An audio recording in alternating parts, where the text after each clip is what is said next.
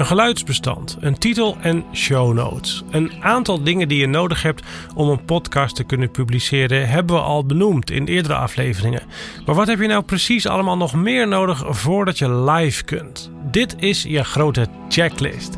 Kennisbank aflevering 53. Wat heb je nodig om een podcast te kunnen publiceren?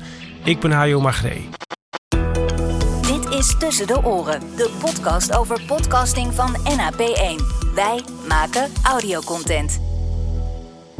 Bij NAP1 hebben we hier een formulier van gemaakt dat we opsturen naar onze klanten. En als je dat formulier netjes compleet invult, dan hebben wij alle ingrediënten verzameld die we nodig hebben om een podcastkanaal voor je te kunnen aanvragen.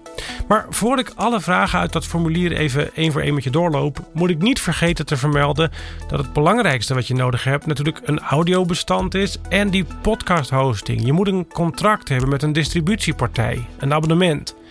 En als je dat hebt, dan kun je daar de antwoorden op de volgende vragen invullen en van start gaan.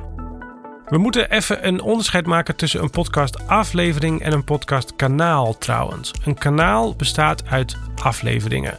Afleveringen hebben een titel en show notes, maar het kanaal zelf heeft ook een titel en ook een omschrijving. Dus de eerste vraag is: wat is de titel van je podcastkanaal? Hoe heet je podcastserie? Die titel die moet kort, informatief en aantrekkelijk zijn en van toepassing op het hele kanaal, dus op alle afleveringen. De titel wordt getoond tussen alle andere podcastkanalen in al die apps en dient dus een beetje concurrerend te zijn.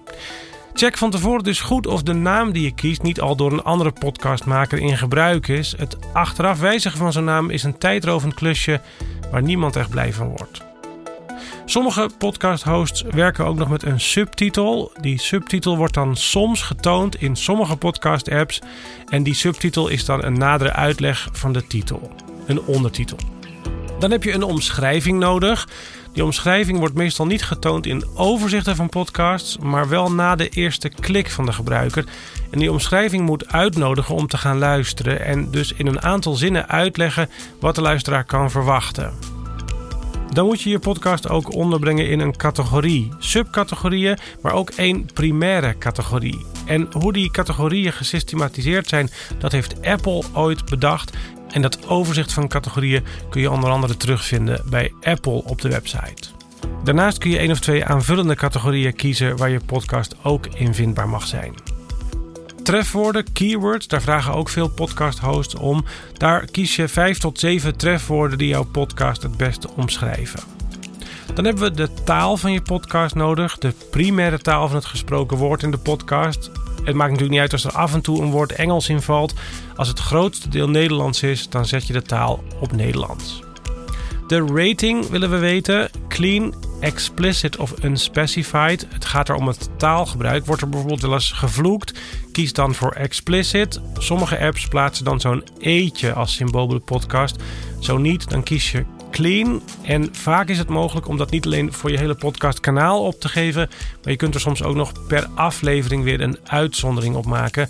Maar hier, voor het inrichten van het kanaal, gaat het even om de default.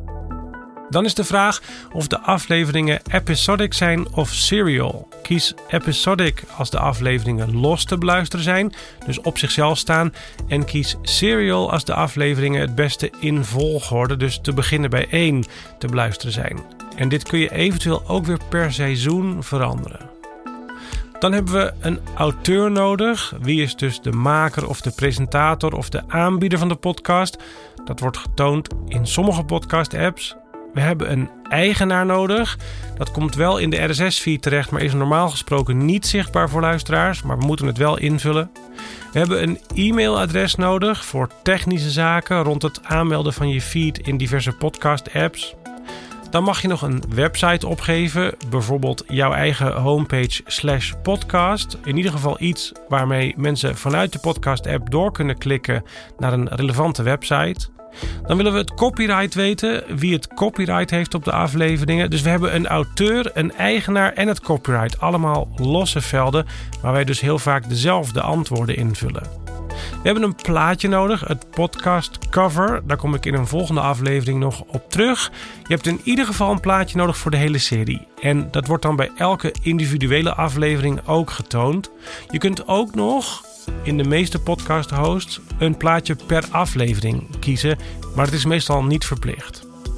En tot slot hebben sommige podcast-hosts nog graag dat je opgeeft welke Facebook, LinkedIn, Tumblr, Twitter en andere social media kanalen er in gebruik zijn. En die knopjes die willen ze dan nog wel eens gebruiken voor de embeddable player.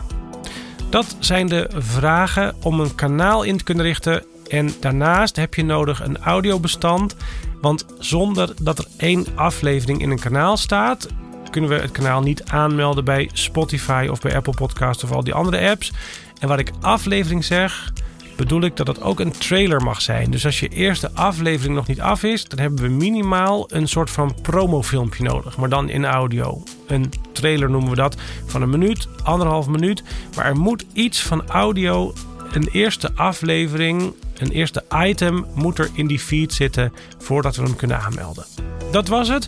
Je kunt de informatie uit deze aflevering ook terugvinden in de podcast Kennisbank op onze website. Dit was Tussen de Oren van NAP1. Wij maken audiocontent. NAP1.nl